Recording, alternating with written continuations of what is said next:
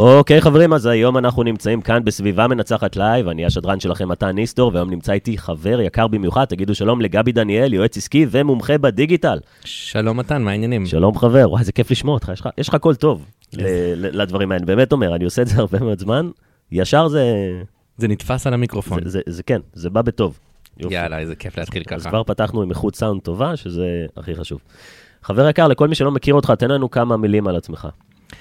אז כמו, כמו שאמרת, קוראים לי גבי דניאל, יועץ עסקי, מומחה בעולמ, בעולמות הדיגיטל, אה, עוזר לאנשים לפרוץ עם העסקים שלהם קדימה, אה, עוזר להם ב, בכל מה שקשור בתשתית של העסק, לבנות את העסק, אה, שיווק, מכירות, נותנים בראש. אדיר, אדיר. כמה זמן אתה כבר עושה את זה? משהו כמו שלוש שנים. שלוש שנים. מדהים, זה בערך גם התקופה שבה אני התחלתי בה. זה, נכון. זה, זה מעניין, כי אני מאוד אוהב לראות אנשים שהצליחו להגיע לתוצאות מאוד מרשימות ב, בתקופת זמן שהיא קצרה. זה, זה נותן אה, הרבה, זה נותן פה אחלה מסר לאנשים שאומרים, קחו את הזמן. לחלוטין. אני, אני חושב שמימד הזמן הוא כמובן מימד חשוב, אבל זה לא, אבל, אבל בסופו של דבר התוצאות שיש לנו זה בעקבות פעולות שאנחנו עושים, ואם אני יכול לעשות הרבה פעולות איכותיות וטובות שיקדמו אותי ויביאו אותי לתוצאות מהירות, אז uh, למה לא? אני מסכים איתך לגמרי. אז תן לנו קצת אה, בעצם על העשייה שלך היום. קצת ספר מה אתה עושה היום, ככה יותר לעומק. אוקיי, אז um, יש לי uh, גם תהליכים שהם אחד על אחד איתי, וגם קבוצות, יש את הנבחרת העסקים שלי, שזה, אתה מתכוון ממש, כאילו, איזה, כן? שיווק? יאללה, מעולה, אני אוהב את זה. יש את התהליכים איתי, כמו שאמרתי, אחד על אחד, שבדרך כלל זה מיועד יותר לבעלי עסקים שהם כבר, מה שנקרא, כבר יש להם מחזור uh, רציני מאוד בעסק, והם רוצים כבר ממש תשתיות, ורוצים לגדול יותר, ולבנות את זה בצורה נכונה. יש הרבה מאוד בעלי עסקים, מתן, שאני קורא להם, הצליחו בטעות, בסדר? מה זה זאת אומר? אומרת, אה, הם הצליחו בטעות, וזה, וזה מעולה, הם אנשי מקצוע באמת טובים, הם עשו כמה דברים ממש טובים, אה, עושים מלא כסף, אבל הם אבודים כאלה, כאילו לא, לא יודעים, רגע, אבל שנייה, אה, כמה תקציב שיווק אני צריך לשים בחודש? הם נורא מבולבלים, ואז הם, ואז הם כזה באים ואומרים, גבי, בוא תעשה לנו סדר. כן? כן. מה, מה, איזה מחלקות יש בעסק, מה, במה צריך לשים את הכסף, איפה, איפה כדאי לעשות יותר טוב. אה, יש כמובן גם אה, כל מיני תהליכים לבעלי עסקים שהם בתחילת הדרך, שמה שנקרא, רגע, מה אני אמור לעשות? ממש מאפס. רגע, אז אה, אלה אלה שהצליחו בטעות, איך הם הצליחו? כאילו, מה, מה קרה שהם הצליחו? אני אתן לך דוגמה, יש uh, מישהי שאני uh, מלווה עסקית, שהיא מתעסקת בתחום היופי, um, והיא כבר עושה את זה עשר שנים. אוקיי. ממש, מאז שהיא בת איזה 17, כן. אה, פחות הצליחה בלימודים, פחות הצליחה בתואר, אז היא עברה למסלול המקצועי. אגב, שתדע לך שזה משהו שאני שם לב לגבי הרבה אנשי עסקים, בטח אלו שמצליחים, הם אף פעם לא היו טובים או אהבו את בית הספר. זה אוקיי. אולי איזושהי... אולי אני אנפץ את הסטיגמה. הערת- הערת צד כזאת. נראה, תכף נשאל אותך באמת על ה... קצת ניקח אותך אחורה. כן, כן. אבל אז, אז נגיד אותה לדוגמה, ו... והיא פשוט אה, אה, מצליחה מאוד, ובאמת, כמו שאמרתי, עושה כסף והכל, אבל יש לה המון דברים שאין לה מושג איך עושים. איך מגייסים עובדים, איך מנהלים עובדים, איך, איך עושים עכשיו אופרציה של משלוחים, כל מיני דברים שאתה, שאתה רוצה לגדול, אתה רוצה להתפוצץ, אבל, אבל אתה מרגיש שחסר לך פתאום את הידע, ואז אתה אומר, אוקיי, הגעתי לאיזושהי נקוד, תקרת זכוכית, כדי שאני אוכל לעשות את הצעד הבא קדימה. אני חייב לקחת מישהו שיעזור לי, מישהו ש... שייתן לי את המענה. אגב, יש כאן תובנה מאוד חשובה שאולי אפשר לפתוח איתה. אין בעל עסק שלא צריך ייעוץ. זאת אומרת, אני גם ברגעים אלו נמצא בייעוץ עסקי. אצל מנו, לא? מה? לא, לא, הייתי אצלו. לא? הייתי אצלו, נכון? אבל מיד כשסיימתי אצלו, אני התקדמתי לעוד ייעוץ עסקי. כן, ככה עושים את זה. אני אני גם ככה. חייב, חייב. נכון. למה? הנה, גם אתה אומר ש- שיש לך יועץ עסקי כל הזמן. למה? כי כשאתה בתחילת הדרך, אתה צריך מישהו שייתן לך את ה... אפשר כאילו להשתמש ב... אתה צריך שייתן לך בעיטה בתחת. אז בסדר? הי- היית עדין ביחס היית, סבבה, הייתי עדין. אני, עדיין מודד פה את, אה, הפודקאסט של סביבה מנצחת. אוקיי. מה מותר להם? אז, בהתחלה אתה צריך מישהו שייתן לך את הבעיטה בתחת, אבל אז, אוקיי, התקדמת, אתה צריך מישהו שיקח אותך לשלב הבא. כן. וכשאתה מתקדם לשלב הבא, אתה צריך מישהו שיקח אותה, ייקח אותך שוב פעם לצעד הבא, למדרגה הבאה. כן. וזה כל כך חשוב כל הזמן להיות במקום שמישהו מסתכל על העסק שלך מבחוץ. לא משנה כמה אתה מרוויח, אתה תמיד נמצא, אתה העסק, אתה זה שיש לך, יש לך שם רגשות, אין לך שם רגשות, אתה, אתה כל הזמן נמצא באיזשהו קונפליקט, אתה יום אחד שונא את העסק שלך, יום אחד חולה עליו. אתה חייב מישהו שרגע מסתכל על זה מבחוץ ואומר לך בכנות, מתן, גבי, כן. שנייה, תפתח את העיניים. גם, גם מישהו ש, שהוא מנותק רגשית מהעסק. לחלוטין. זה, זה בדיוק למה שאני מתכוון. אתה חייב מישהו, תראה, בעסקים, תמיד אנחנו אומרים את זה כיועצים עסקיים, גם אתה, אני יודע, מלווה בעלי עסקים, אה, אנחנו חייבים לנתק את הרגש מהעסק, אבל בוא. בוא. בס- בסוף אנחנו, כן, כל אחד בווליום שלו, אבל אנחנו, אנחנו כן אומנים בלנתק את הרגש, וזה מעולה, אבל אנחנו עדיין אוהבים מאוד את העסק שלנו, אוהבים את העובדים שלנו, את הצוות שלנו, את המשרד שלנו, את הלקוחות שלנו, כן. ואנחנו חייבים מישהו שיסתכל על זה מבחוץ ויעזור לנו רגע ויגיד, קפוץ למים, יא דביל, קפוץ למים, תעשה את זה כבר. ת, ת, תכפיל ה- את, את התקציב שיווק, ת, תיקח עוד שני עובדים, תעשה, תעשה, תעשה. אמ, זה אגב ו- לכל האנשים שאומרים, אני יודע מה אני צריך לעשות, אבל משום מה הדברים לא קורים. כי, כי זה לא קשור ל... זה, זה לא רק הידיעה, זה לא רק המידע שחסר, זה, זה היישום, ובשביל היישום, בטח בשביל משהו שמפחיד אותך, ברוב המקרים בן אדם חיצוני יעלה את הסבירות ש, שתצא לפעולה. נכון, זה מה שאני אומר תמיד ל-80% מהעסקים שאני מלווה, הנה ספוילר. אחרי שבועיים ליווי אצלי, הם כבר מבינים את השיטה. הם כבר מבינים איך עושים כסף. זה לא מסובך, זה לא מסובך איך עושים כסף.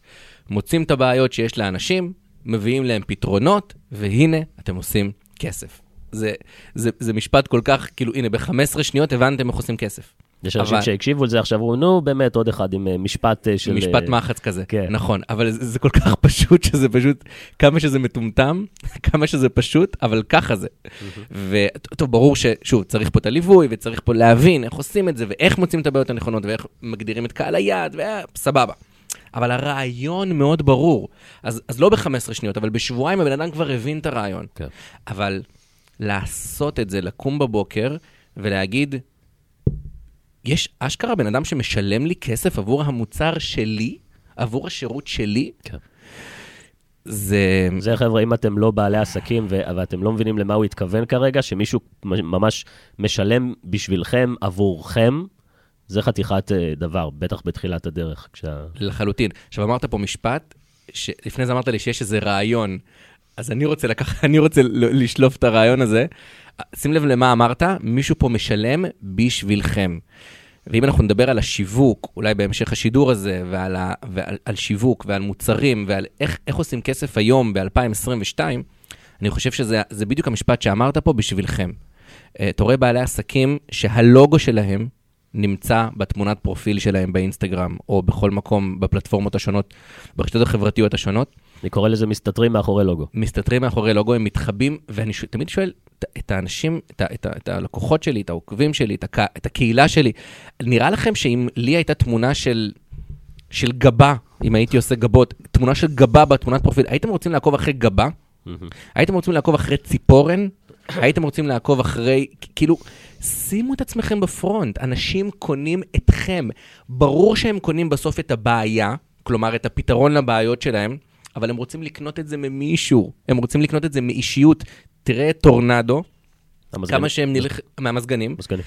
כמה שהם נלחמו על רותם, אה, רותם סלע, נכון? הפרז- הפרזנטורית. כן. הפרזנטורית, נכון? למה הם נלחמו עליה כל כך? הרי אה, הייתה תביעה גדולה, לא, לא ניכנס כרגע לפרטים שלה, אבל הם התעצבנו על זה שהיא חתמה הסכם עם חברה אחרת על בלעדיות, ואז זה אומר שהיא לא תוכל לייצג אותם. הם, הבינו, הם מבינים את החשיבות של לשים בן אדם שם בפרונט, כי אף אחד לא קונה מזגן. אנשים קונים את האישיות, את הסיפור שמאחורי המותג. טוב, זה היה ככה בקטנה על הקטע הזה של השיווק. אדיר, כיף גם לדבר איתך על כל הנושא הזה של עסקים, כי אתה ממש חי את זה, שומעים את זה גם באיך שאתה, שאתה מתנסח ואיך שאתה אומר את הדברים. ש- זאת אומרת, רואים שאתה עושה את זה ביום-יום. מדהים. 24-6. אבל כמה דברים כאילו עליך, בן כמה אתה? אני בן 34. 34. אה, תן לי קצת אה, נשוי, ילדים, סטטוס. 34, נשוי, לידי, אבא לשירה, בת שבעה וחצי חודשים. אה, וואלה, חדש. כן, כן, כן. יפה מאוד. מאיפה בארץ? נתניה. כרגע נתניה. מדהים. ואמרת שזה התחיל לפני שלוש שנים. נכון. אז עכשיו זה נהיה מעניין יותר. כי כאילו, בגיל 36 התחלת. עכשיו אני 34, אז אה, זה אומר סליחה, אני- אני- 31. מה כן. החשבון שלי? ב-31 התחלת. 30-31. גיל 36. נחתוך, את החלק הזה. אז אני. אומר, לא, אני, הרבה מהמאזינים שלנו זה אנשים איפשהו בשנות ה-20, ויש כאלה שמספרים לעצמם כבר, שכבר פספסתי את הרכבת. בקטע של, גינ- הייתם צריכים לראות את הגיחוך שהיה פה עכשיו. אז אה, קח אותי קצת אחורה, קח אותי בעצם לאיפה שהכל התחיל. איפה שאתה הבנת שאתה רוצה לעשות דברים בצורה אחרת, או אפילו איפה שאתה ממש זוכר ש... שמשם שווה לעקוב אוקיי. אחרי ההתרחשויות שהובילו אותך למה שאתה עושה היום. כי אני חושב שהרבה אנשים יכולים ללמוד מזה. אוקיי, אז, אז קודם כל, מבחינה אישית, גדלתי בבית חרדי, בגיל 20 יצאתי בשאלה, ובגיל 30 חזרתי חזרה, עשר שנים אה, הייתי אה, רווק תל אביבי הולל. אה, וואלה. כן, ולפני אה, משהו כמו ארבע שנים חזרתי בתשובה, הפעם למגזר הדתי-לאומי. קצת מצחיק, אבל במקרה הערב יש לי הרצאה שקשורה לחזרה בתשובה שלי, אבל זה לא קשור בכלל לייעוץ עסקי, בתל אביב, במקום שבו חזרתי בתשובה, ראש יהודי קוראים לזה, וואלה. למי שלא מכיר, כן, קהילה ממש אה, מגניבה, כיפית, במרכז תל אביב. אז זה קודם כל ברמה האישית, עברתי איזשהו מהפך אישי, ובגיל 20, ולמה אני מספר את זה? כי, כי בגיל 20, כשיצאתי בשאלה, אז אמ, אחת הסיבות שיצאתי זה בגלל שנורא נורא רציתי להצליח עסקית. ו... והסתכלתי על החיים שלי ואמרתי, בא לי לעבוד. לא, לא רוצה להיות במקום שבו אני כברירת מחדל חייב לשבת ו... וללמוד כל היום. התחלתי לעבוד עוד כחרדי, כי ראית, ראית מה אנשים עושים מסביבך. אמ, כשגדלתי בחיידר, בבית ספר, כאילו בבתי ספר של החרדים, קוראים לזה חיידר, בסדר? כשגדלתי בחיידר, אז אני זוכר שהיו תלמידים שלא יכלו לצאת לטיולים שנתיים, כי אבא אברך. ואבא ש, שמה זה אומר? אברך זה אומר שאבא יושב ולומד תורה כל היום, בסדר? אוקיי. אז הוא לא יכול לצאת בגלל... אז הילד, אה, טיול שנתי בבית ספר, אז כל אחד צריך לשים 60 שקל, 30 שקל, אה, אז סבסוד. בגלל כסף, כן. כן. וכאילו זה כל כך ברור לי, אז אני אפילו לא מסביר את זה. אז כן, אז, כן. אז אברך זה, זה, זה בעצם אומר אה, תלמיד ישיבה שהתחתן והוא ממשיך ללמוד גם אחרי החתונה. מהמם. הוא מקבל כסף מהמדינה, לא? והוא מקבל אה, איזה אלף שקל, זה שטויות, זה לא, הוא באמת מקריב מהחיים שלו, ואגב, אני חושב שזה מבורך מאוד שיש אנשים כאלה ש, שעושים את זה. זאת אומרת, מי שבאמת מסוגל לשבת וללמוד יום שלם, צריך גם אנשים כאלה בעם ישראל. בסדר, נגיד את זה ככה. אבל זה לא מתאים לכולם, ומבחינתי, אני, כשאני ראיתי שיש לי חברים מהכיתה שלא יכולים לצאת לטיולים שנתיים בגלל שאבא שלהם לומד תורה כל היום, הרגשתי שמשהו פה מתפספס. אמרתי, אני לא רוצה להגיע למצב שאני לא יכול לתת לבן שלי את האפשרות אז בגיל 20 כבר חשבת עליך בתור אבא ש... לחלוטין, חשבתי על זה כל הילדות. וואלה. בעולם החרדי זה איזשהו דווקא משהו אה, טוב שקורה שם. אתה כבר מאיזה גיל 7 חושב על העתיד שלך, אתה תמיד חושב קדימה, מה יקרה איתך בגיל 50. אה, ילדים מאוד אחראים.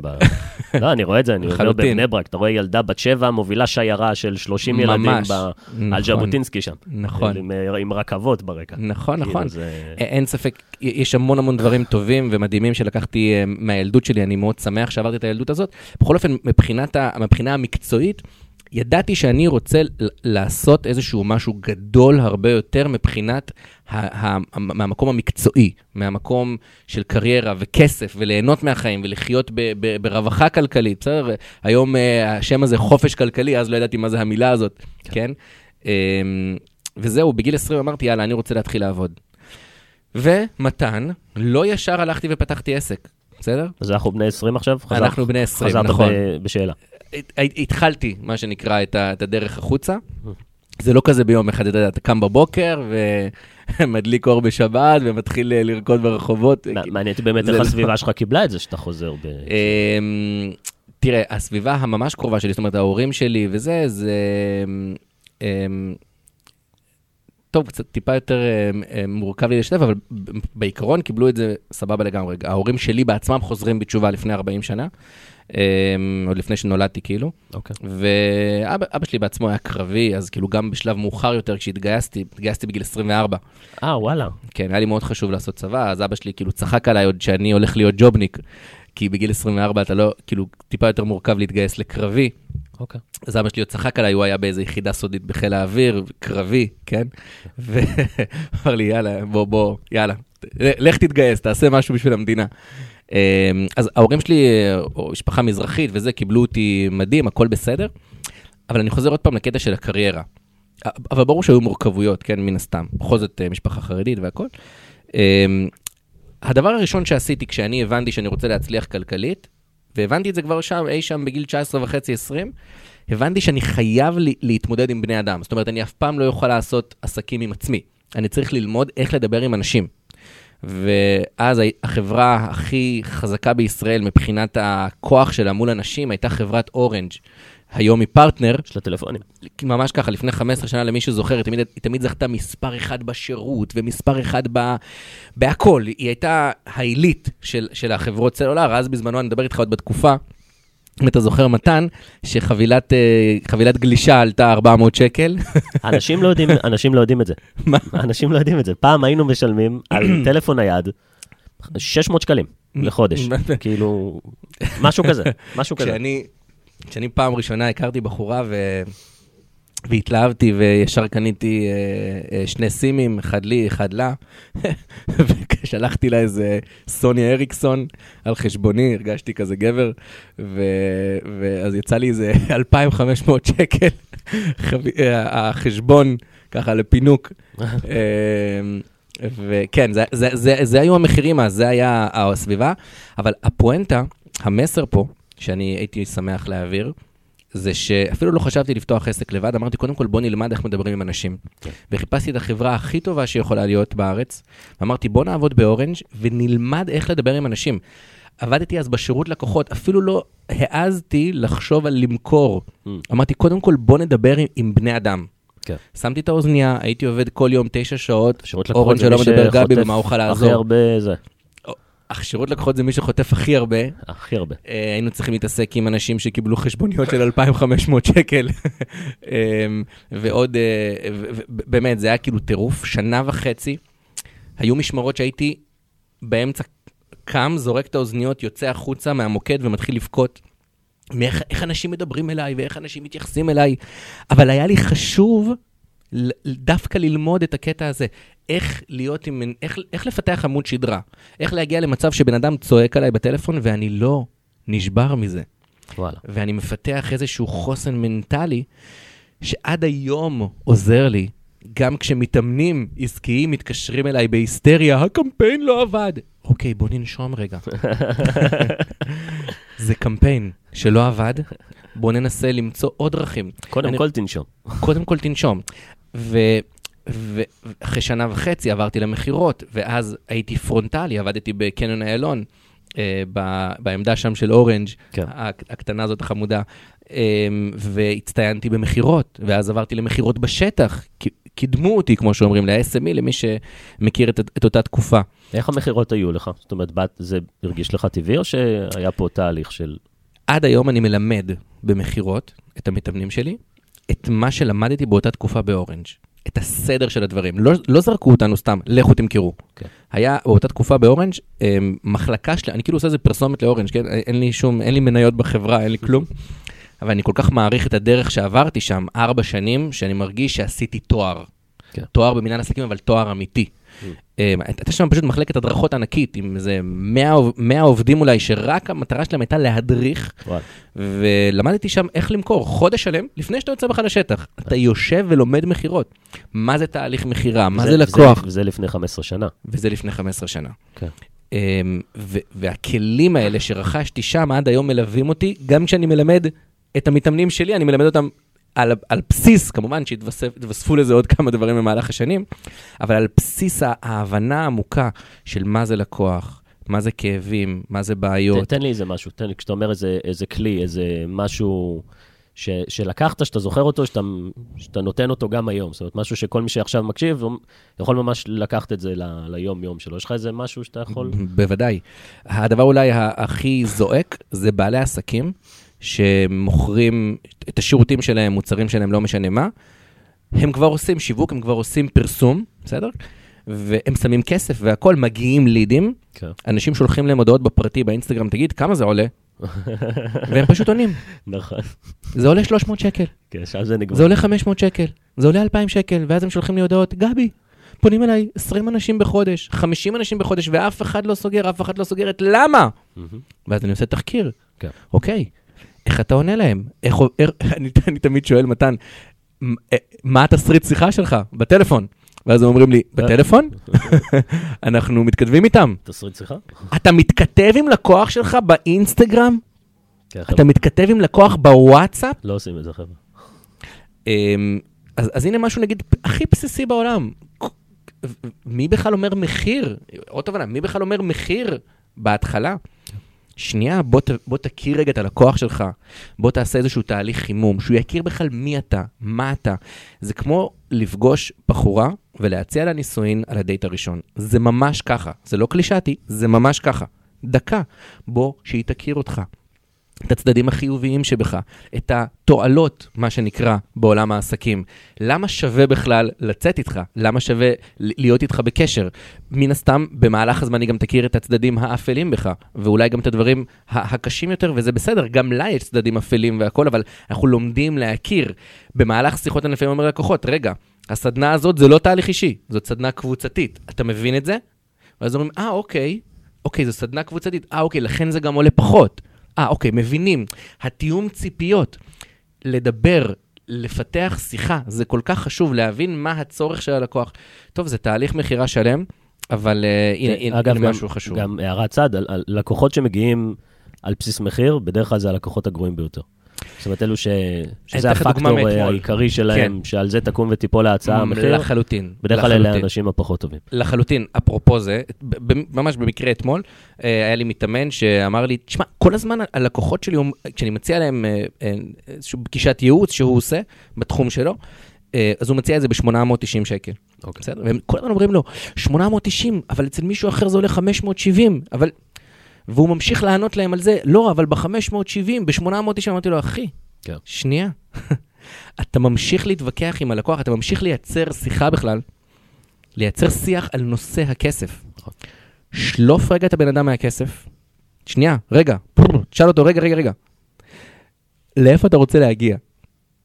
מה החלום שלך? איפה זה פוגש אותך ביום-יום?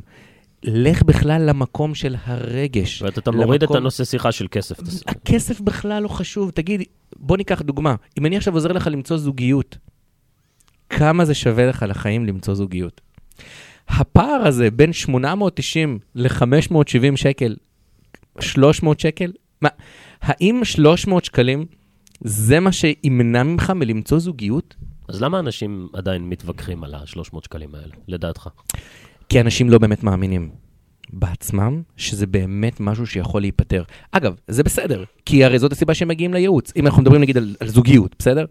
או אתה יודע מה, בוא נדבר על כל תחום, על עסקים, על, על כל דבר שאנשים מגיעים לטיפול, לייעוץ, לאבחון, לאימון.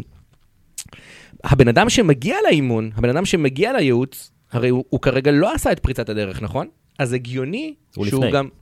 ממש ככה. כן. אז הגיוני שהוא לא כל כך יאמין בעצמו שהוא מסוגל, כי הרי אם הוא היה מאמין בעצמו שהוא מסוגל, שנינו יודעים שהוא היה במקום אחר. עושה את זה. כן. יופי. ולכן אתם, אלה שמאזינים לנו, מאמנים, מטפלים, יועצים בכל תחום, זה בסדר שכרגע מתווכחים איתכם על השקלים. זה בסדר, תבינו אותם, תכילו את הלקוחות שלכם. אולי כאן אני אגיד דעה שונה משלך. לא בטוח שהם הלקוחות הכי גרועים. זה בסדר שאולי בהתחלה, אחרי חודש שהם יהיו אצלי בתהליך, אני לפעמים מזכיר להם, אתם זוכרים שהתווכחתם איתי על 300 שקל?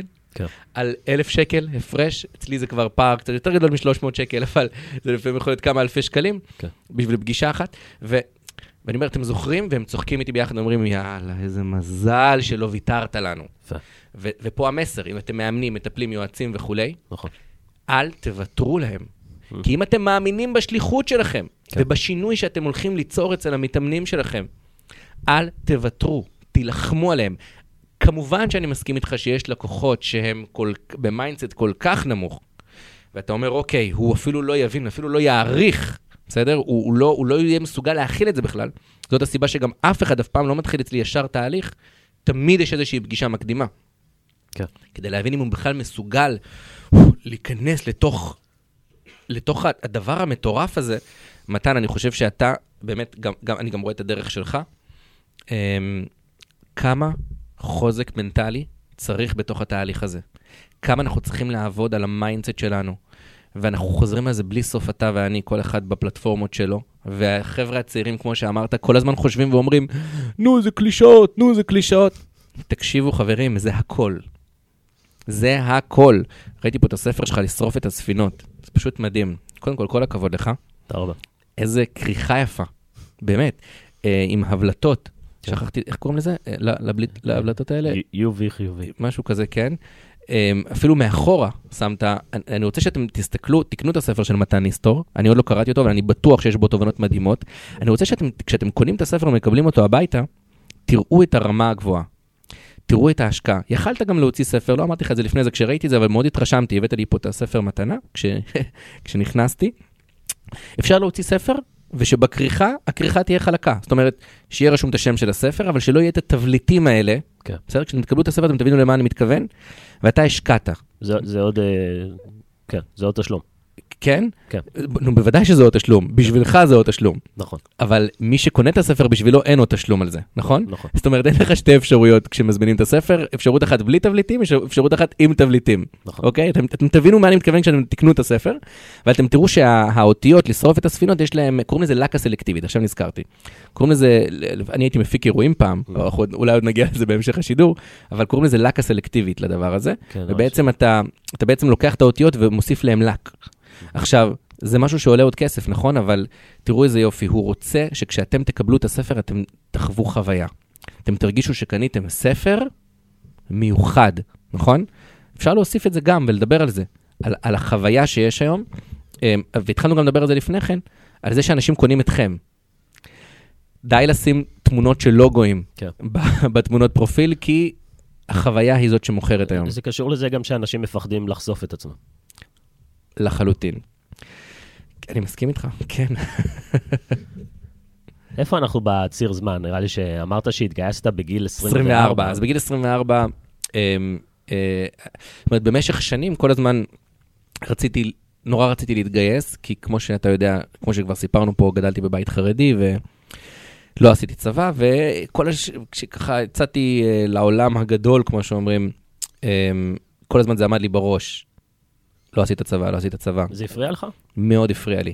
מאוד הפריע לי, אני, אני, אני מאוד ציוני בנשמה. Um, נורא כזה ארץ ישראל וזה, זה תמיד היה לי. וזה קצת מצחיק, אבל דווקא כשיצאתי בשאלה, דווקא כחילוני, כמו שאומרים, um, זה, זה פתאום עוד יותר בער בי. כי זאת אומרת, זה תמיד בער בי גם בילדות, אבל פתאום אמרתי, בואנה, הדבר הציוני ביותר שאני יכול לעשות זה ללכת לתרום מעצמי בחינם, כמו שאומרים, למדינה. וממשכורת של איזה, אז כבר הייתי עושה כשכיר באורנג' אה, 14, 16 אלף שקל בחודש, לא זוכר כבר את הסכומים. בתחילת שנות ה-20. יפה. בגיל 24 כבר, כן. כשכבר הייתי בשטח וזה, פלוס רכב עם דלקן. אורנג' היו החברה שנתנו דלקן חופשי על הבר, היינו כאילו כל סוף שבוע היינו באילת, לא משנה. מכאן נשאיר רכב חברה. וממש ככה. וזהו, ואז אמרתי יום אחד די, אני כבר לא מסוגל להכיל את זה נפשית, אני חייב להתגייס, ופשוט באתי למנהל שלי יום אחרי זה באורנג', אמרתי לו, תשמע, אני חייב להתגייס, זה סיפור ארוך, אבל- כבר. כן. וכבר, זה כבר הפריע לי נפשית. כן. תראה, קצת מצחיק, כי הייתי השכיר וזה, אבל מאוד מהר כשאתה עושה את מה שאתה אוהב, אתה מבין שכסף הוא, באמת, הוא לא באמת העניין. זאת אומרת, אפשר לעשות כסף כל הזמן, ואם אתה מתנהל נכון כלכלית, אתה, אתה, אתה, ברור שאתה לא יכול לחיות ברמה יותר מדי גבוהה כשאתה עושה 15,000 שקל בחודש, אבל, אבל כשאתה בחור צעיר, אתה כזה, אה, בסדר, לא, לא, זה, ב... מהר מאוד הבנתי שכסף זה לא הנקודה, הנשמה שלי היא חשובה מאוד, ואם אני מרגיש שאני חייב לעשות צבא, אז אני לא רוצה להתחרט על זה אחרי זה כל החיים, אני, אני חייב לעשות את זה. אתם יודעים, אתה יודע, תמיד אומרים שאנשים מצליחנים אף פעם לא מתחרטים על דברים שהם עשו. הם תמיד מתחרטים על דברים שהם לא עשו. לא עשו. ואמרתי, יאללה, בוא נעשה את זה. אה, התגייסתי תוך שבועיים, הייתי כבר בבקו"ם. ש- שלא היית חייב לעשות את זה. ממש לא, היה לי אה, אה, דחייה, כאילו כל הזמן של תורתו אומנותו, זאת אומרת, גם כחילוני המשכתי תמיד לדחות את הצבא, והייתי יכול כמובן להמשיך לדחות, ובאיזשהו שלב גם לקבל פטור. אה, הלכתי, ביטלתי את זה. אגב, בגלל שגם עשיתי אה, ניתוח אה, לייזר פעם, אז אה, אה, באיזה גיל 20, אז אה, עוד הייתי צריך, יכלתי גם, הם, הם, לא רצו אותי, כי אתה גם בן 24 וגם הפרופיל שלך כבר למטה, וגם הייתה לי אסתמה כשהייתי אה, זאת אומרת, צעיר היה לך יותר. את כל הסיבות. היה לי את כל הסיבות, גם ללמה לא לא. רצו אותי, כן. כן, הייתי צריך ל- להילחם איזה שבוע, מעניין. אה, לרוץ מהבקו"ם לפה, לשם, וללכת ל... אני כבר לא זוכר, אבל הייתי צריך ללכת לאיזשהו רופא מומחה שייתן לי אמ, אישור מיוחד שאני כן, שהכל בסדר, היה שם איזשהו אישו קטן. אה, אבל זה היה שטויות, כאילו התגברתי על זה כמובן מיד, זאת אומרת אין דבר כזה שאני רוצה משהו, להיכנס לאיזשהו מקום וזה לא יקרה. אה, וזהו, עשיתי כמובן שירות קצר, שנה וארבעה חודשים. שזה אומר 16 חודשים, ו, וזהו, תוך כדי הצבא כבר, לקראת הסוף, אה, פתחתי איזה חברת נדל"ן קטנה, חברת נדל"ן להשקעות. היה לי חבר ש... לא, לא ידעתי את זה עליך. כן, תשמע, יש פה בשידור מלא דברים ש... שלא ידעו עליי. זה איזשהו שידור כזה של uh, ביוגרפיה כזאת. uh, כן, זה נורא מעניין, כי באמת אף פעם לא סיפרתי את זה, לא יודע, לא, לא, לא, לא יודע, אף פעם לא שיתפתי. אתה יודע, תמיד אני אומר, אנחנו צריכים לשתף ברשתות החברתיות על עצמנו, ואני כל הזמן משתף, מי שעוקב אחריי יודע, כל הזמן רואים את החיי יום שלי, חיי יום-יום שלי והכל. משתפים את עכשיו. אבל בדיוק, אנחנו משתפים, אתה יודע, אני משתף מה שקורה איתי, כן? אבל אני אף פעם לא עוצר ואומר, תקשיבו, כשהייתי בן 20 עשיתי ככה, אבל, אבל חשוב לי שהמסר שמאוד חשוב, זאת אומרת, אין לי עניין אה, אה, סתם לספר סיפורים על עצמי, אני באמת רוצה שאנשים ידעו שכל הזמן הייתי בעשייה משוגעת. וכל הזמן חתרתי, ידעתי שמהצבא לא יצא לי כלום מבחינה כספית, נכון? לא, אבל, כן, כן, נכון? כסף אין שם. כסף אין שם. ברור. אבל עדיין הלכתי אחרי הלב שלי ואחרי כביכול, ה... אתה יודע, כאילו אחרי הייעוד שלי. עד היום אני חושב שהשנה הזאת שהייתי בצבא, זאת הייתה השנה הכי מדהימה שהייתה לי בחיים. שנה של סטופ, שנה שנתנה לי איזשהו...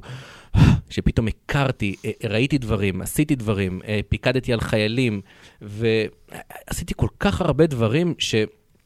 כל כך אאוט, כל כך שונים ממה שעשיתי, מכל מה שעשיתי עד אז. וזה פשוט היה מדהים. אמ, כאילו, הרבה חבר'ה ששואלים אותי, ואנשים מגיעים ומתייעצים, איך למצוא את הייעוד שלי, ואיך איך למצוא את מה שאני רוצה לעשות. דבר אחד אני מבטיח לכם, שבחיים, בחיים, בחיים, אם אתם תעשו את זה, אתם בחיים לא תמצאו את הייעוד שלכם.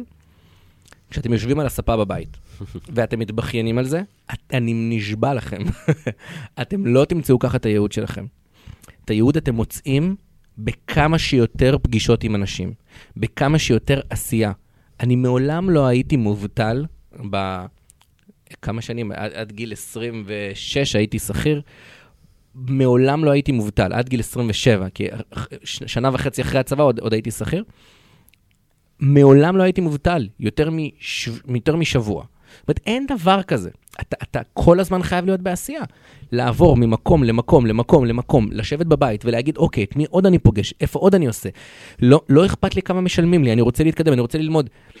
כשאתה נמצא בכל כך הרבה מקומות, איך יכול להיות שלא תמצא את הייעוד שלך? כי אתה, אתה, אני מסכים איתך לגמרי, אנחנו נמצא הרבה מאוד אנשים בשנות ה-20 שלהם, שיושבים בבית, כי הם אומרים שהם לא יודעים מה הם רוצים לעשות. זה סוג של מעגל כזה. ו- איך תשב בבית ותמצא מה אתה רוצה לעשות? אתה חייב לצאת החוצה. לך יש uh, בתוך החברה גם uh, משהו שקוראים לו יאללה ספרים. שאתה כן. uh, מסכם ספרים, נכון? נכון, כמה פעמים ראיתי אה, סרטונים שם בעמוד אינסטגרם המדהים הזה. תודה רבה.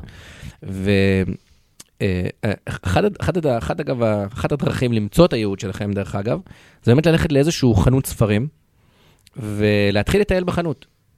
ו, ופשוט לראות אה, כריכות של ספרים, וכזה, כל פעם כשאתם רואים איזה כריכה שמעניינת אתכם, שלפו רגע את הספר החוצה, תחזירו חזרה למדף. ותעשו לכם את הרשימה של הספרים שעניינה אתכם. ות, ותראו אחרי איזה 20 דקות של שיטוט, מהם הספרים שהוצאתם, וואלה, אוקיי? אחלה רעיון. עכשיו, האם הוצאתם אה, ספרים על פסיכולוגיה? האם הוצאתם ספרים על רפואה? אני מבטיח לכם שאחד ש... זה אחלה טיפ. אני מבטיח לכם שאם אתם מתעניינים בעסקים, רוב הסיכויים שלא תשלפו משם ספרים על אה, הורות, בסדר? ואם אתם אה, תשלפו, תחפשו את הייעוד שלכם, תנסו לראות לאיפה הלב שלכם מושך אתכם. הרגליים שלכם לא יובילו אתכם למקומות שאתם לא צריכים להיות בהם.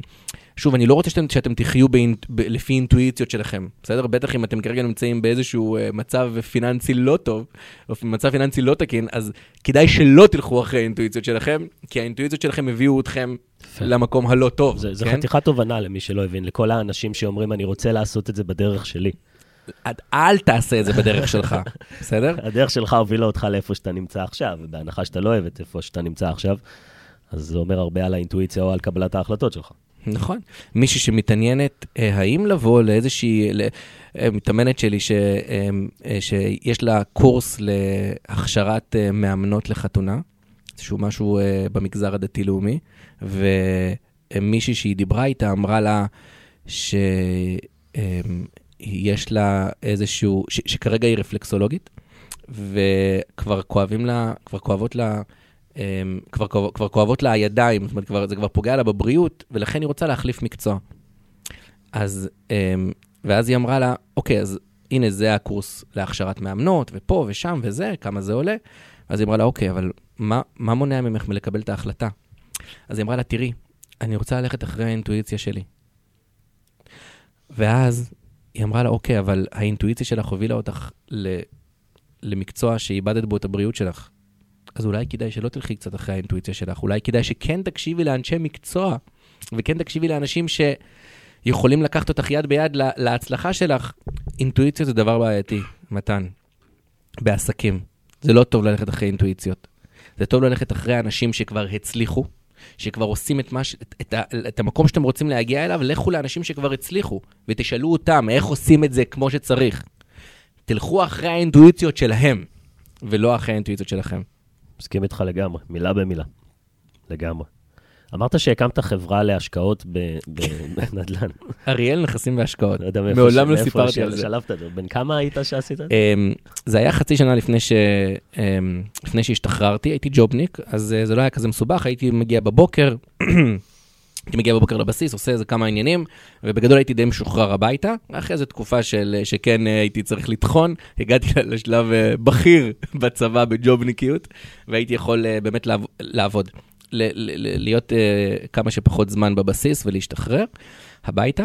הייתה לי אז באותה תקופה חבר טוב, שהיינו נפגשים הרבה מאוד בשבתות, והיינו יושבים כזה ביחד וזה, איתו ועם אשתו, והיינו מדברים, והוא הוא עבד אז באיזושהי חברת נדל"ן גדולה, וההבנה שלו בנדל"ן, וה... וה, והמומ, והמומחיות, וההשקעות בחו"ל, וההשקעות בארץ, והייתי יושב איתו שעות ולומד ממנו בלי סוף. וביטחון עצמי תמיד היה לי, ויום אחד אמרתי לו, תשמע, בוא, בוא, תעזוב כמה אתה מרוויח שם? עשרת אלפים שקל בחודש? בוא, שחרר את עצמך משם. בוא נפתח את- אתה ואני ביחד חברה, ונתחיל לגייס נכס, נכסים להשקעה. וואלה. אז הוא הציע, ו- הוא- הוא היה קרש קפיצה שלך לדבר הזה. אני תמיד אמרתי דבר כזה, ואגב, זו תובנה מאוד, מאוד חשובה לגבי שיתופי פעולה. יש לך, אתם לא חייבים להיות האנשים, האנשים הכי חכמים, חכמים בעולם. אני אגיד את זה עוד פעם. אתם לא חייבים להיות האנשים הכי חכמים בעולם. אתם צריכים להיות האנשים הכי יצירתיים בעולם. אגב, אתם לא- אפילו לא צריכים להיות הכי יצירתיים. אתם יכולים גם לקחת מישהו יצירתי. אתם רק צריכים לרצות, בסדר? הנה, אני, אני אפילו אומר, אתם אפילו לא צריכים להיות יצירתיים, אתם רק צריכים לרצות. ולמצוא הזדמנויות ולעשות חיבורים, לעשות שיתופי פעולה. אני ידעתי שאותו חבר, יש לו ידע מטורף בנדל"ן, ואני ידעתי שאני איש מכירות מאוד טוב, כי כבר הייתי בוגר, אתה זוכר, נכון? כן, כן. בפקולטה לאורן. בפקולטה לאורנג' של כן. המכירות, מעולה. אמרתי לו, תקשיב, אתה לא איש מכירות הכי להיט, בסדר? לכן אתה כרגע שכיר, כאילו, בתחום שלך, כי אתה יודע לתת את הידע המקצועי. הוא יודע לתת את המוצר.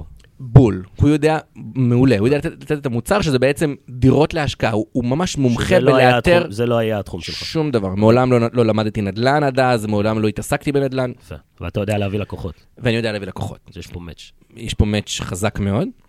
Um, הוא חשב על זה תקופה, כמובן שאני הייתי צריך למכור לו את זה, וכמו שאתה מנחש, באיזשהו שלב הצלחתי למכור לו את זה. הוא עזב את העבודה. אני עוד הייתי חייל, שתבין. Um, והיינו, כל, הייתי כאילו מגיע לבסיס בשעה שמונה בבוקר, ב-11 הייתי uh, יוצא לרכב, מחליף בגדים ממדים של צה"ל לג'קט, כמו שאתה רואה עכשיו, אז גם הייתי מפונפן כזה, הייתי שם עניבה, וואלה. והיינו מתחילים לחרוש את הארץ. באר שבע, חיפה, לוד, ממש במשך איזה חודש, חודשיים, אנחנו חרשנו את המקומות האלה, ייצרנו קשרים מטורפים עם uh, מתווכים, עם רימקס, עם אנגלו-סקסון ועם כל דבר שזז.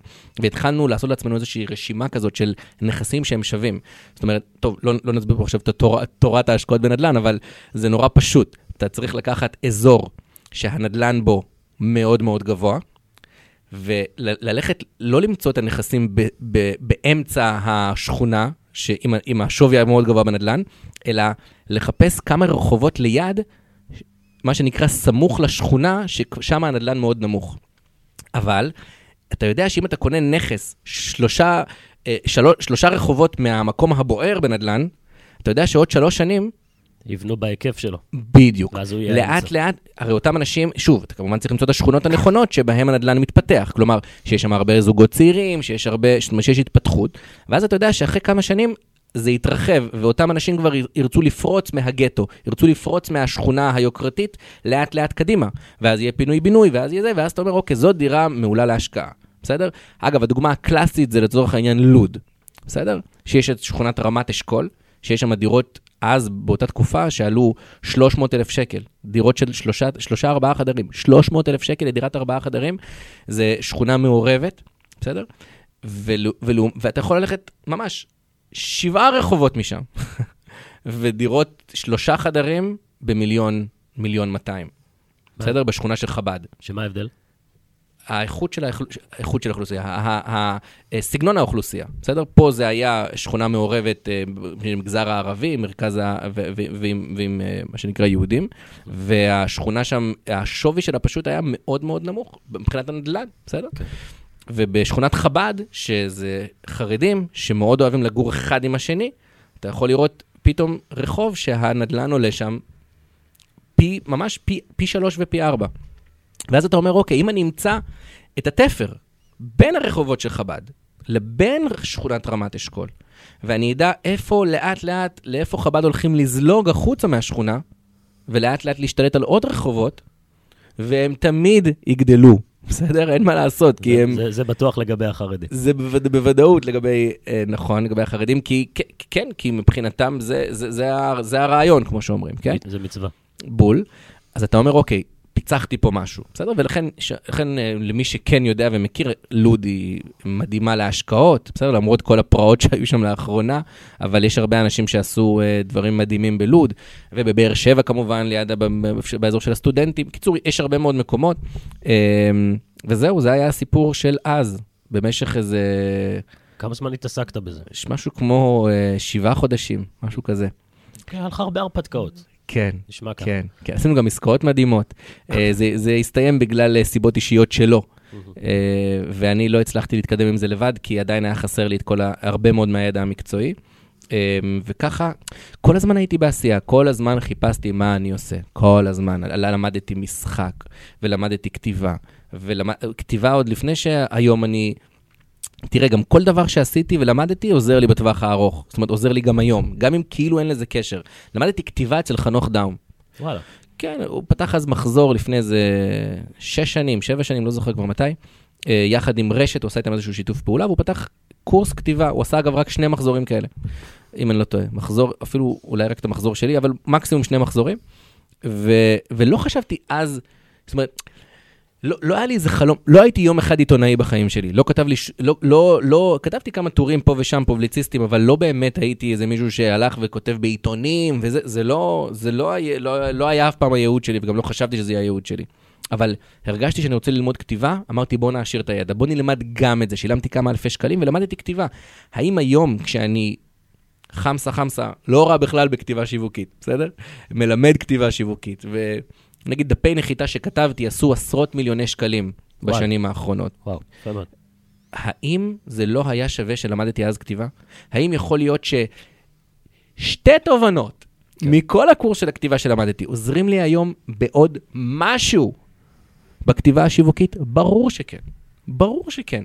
אני אומר, וואו, איזה מזל שלמדתי אז. אבל איזה, לא- לא ידעת את זה באותו רגע. איזה ידעתי. מה עשיתי? מה שנקרא connecting the dots. ממש ככה. בדיוק אה, שלשום ראיתי את הסרט של סטיב ג'ובס. איזה בן אדם הוא עם היה. אשטון- עם אשטון קוצ'ר או... עם אשטון קוצ'ר. כן, זה הגרסה היותר טובה. כן. אה, כן? יש שתיים, יש עוד אחת. נכון, ראיתי אחרי זה, כשכתבתי בוויקיפדיה סטיב ג'ובס סרט, אז ראיתי שקפץ עוד משהו. נכון, אבל אה, הגרסה שראית הגרסה היא של אה, טובה יותר. קוצ'ר היא טובה יותר. כן. תשמע, זה, זה מדהים, מדהים, מדהים כמה שלא משנה איפה אתם נמצאים היום ולא משנה כלום, הכל בסוף עוזר לכם לנק, ל, ל, לנקודה הגדולה.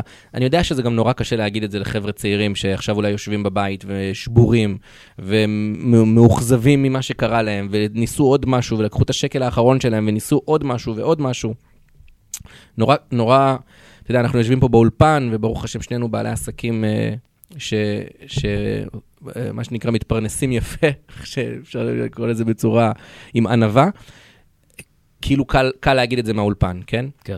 שתאמינו בעצמכם, אבל, אבל אני באמת, באמת אומר את זה מכל הלב, שתדעו, מגיע לכם להצליח, מגיע לכם לפרוץ גבולות, ותדעו שכל דבר שאתם עכשיו עושים, כל דבר יעזור לכם בעתיד. במיוחד הכישלונות, במיוחד הדברים שאתם תישברו. אתם יודעים, היה, אה, לא סיפרתי, אבל כש, כשעבדתי באורנג' אז היה, כשכבר הייתי שם איזה שלוש שנים, ולפ, כאילו התחלתי לעבוד במכירות, אז היה איזה שלב שכבר מיציתי לגמרי עם הלעבוד במכירות אה, פרונטליות. ואיזה חודשיים הייתי, התנדנדתי כזה. כי הייתי אה, איש מכירות מאוד טוב, אז לא רצו לפטר אותי. ומצד שני, אה, ומצד שני, אה, אה, לא, לא רציתי פשוט להישאר במקום שאני נמצא בו, זאת אומרת, ממש כבר הגעתי לאיזשהו מיצוי. היה שם איזה בלאגן שאני התנדבתי ללכת לנהל חנות אחרת. אה, ואז בינתיים הביאו מנהלת חדשה לחנות הקודמת שהייתי בה. ואז כשכבר הייתי צריך להתקדם לשטח, אז היא אמרה, לא, אני לא מוכנה שהוא יתקדם לשטח, כי היא רצתה אותי, לא משנה איזשהו סיפור כזה הזוי. ואני, מה זה, נשברתי מזה, ואמרתי, איזה דביל הייתי. עשיתי דבר, התנדבתי ללכת לנהל חנות ב- של אורנג', כן, ב- בלונדון מיניסטור, ובגלל זה הפסדתי משרה שכל כך רציתי. ואז אחרי שלושה חודשים, התפנה ה... העבודה, המשרת שטח יותר טובה ממה שהייתי אמור לקבל שלושה חודשים קודם. זאת אומרת, אולי הסיפור לא היה כזה מובן, אבל אי אפשר לדעת אם זה טוב או רע. זה לא, לא אי אפשר לדעת, זה תמיד טוב. כי אם זה קרה. כי אם זה קרה, ופה אני אכניס איזשהו משהו גם שקשור לאמונה, אתם יודעים, יש לי כיפה על הראש.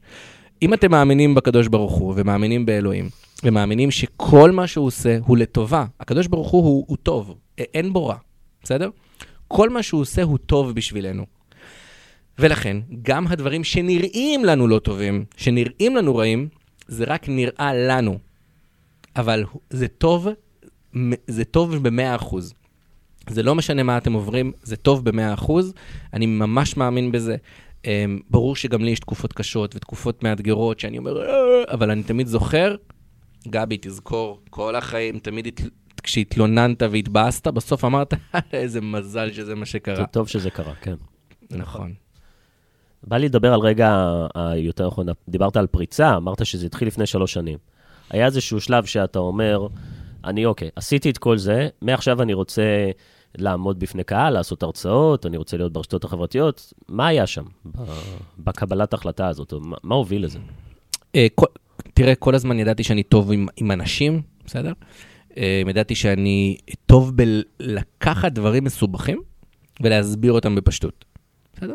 אני חושב שאם אם תיקח את כל ה... ואני אה, קטונתי, אבל תיקח את כל המנהיגים בהיסטוריה, לאורך ההיסטוריה, הכוח שלהם היה בזה שהם ידעו לקחת דברים נורא מסובכים ולהפוך אותם לדברים פשוטים, בסדר?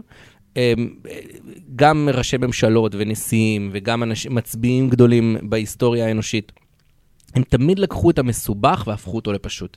מה שנקרא, הצליחו להנגיש את המסרים המסובכים מהכנסת והממשלה לעם, בסדר?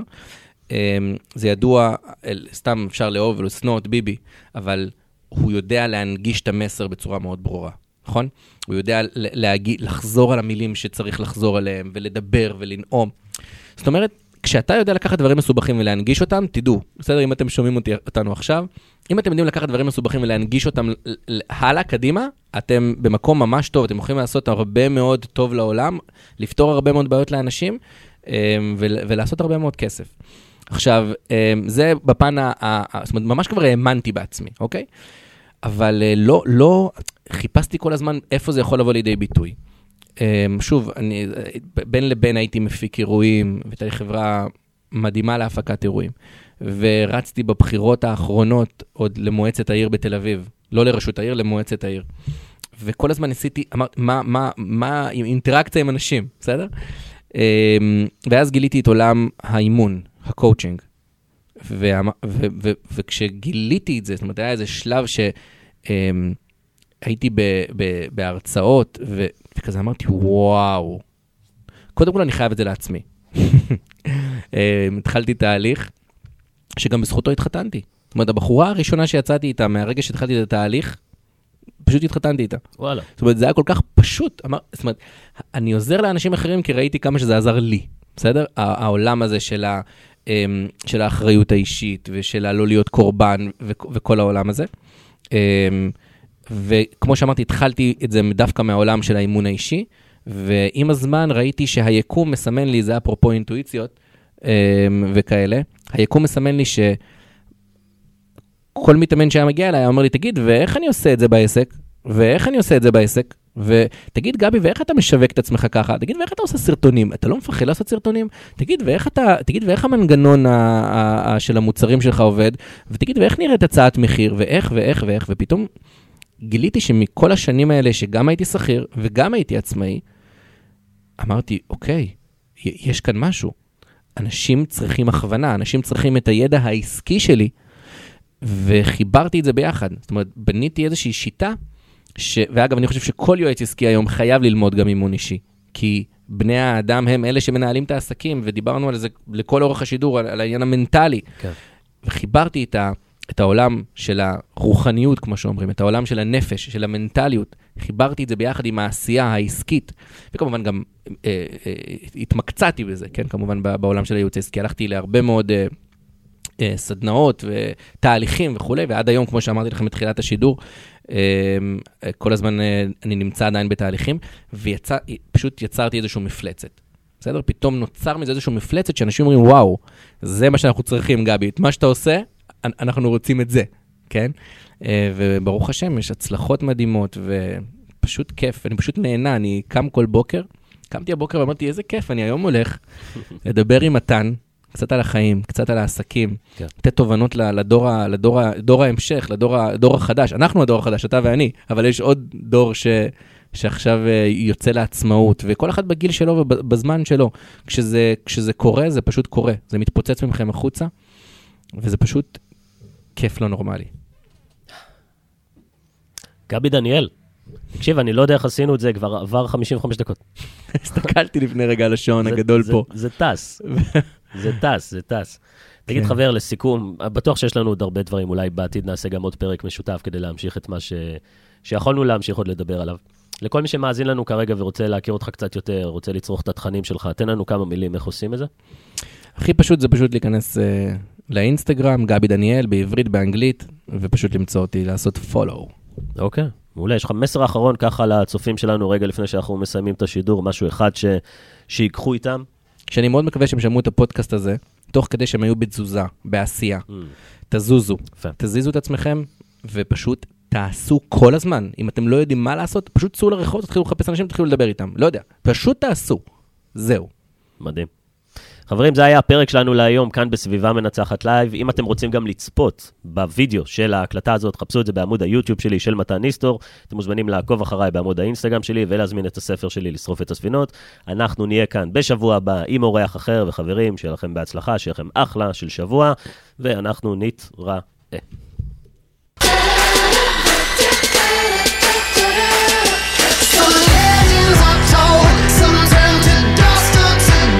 But you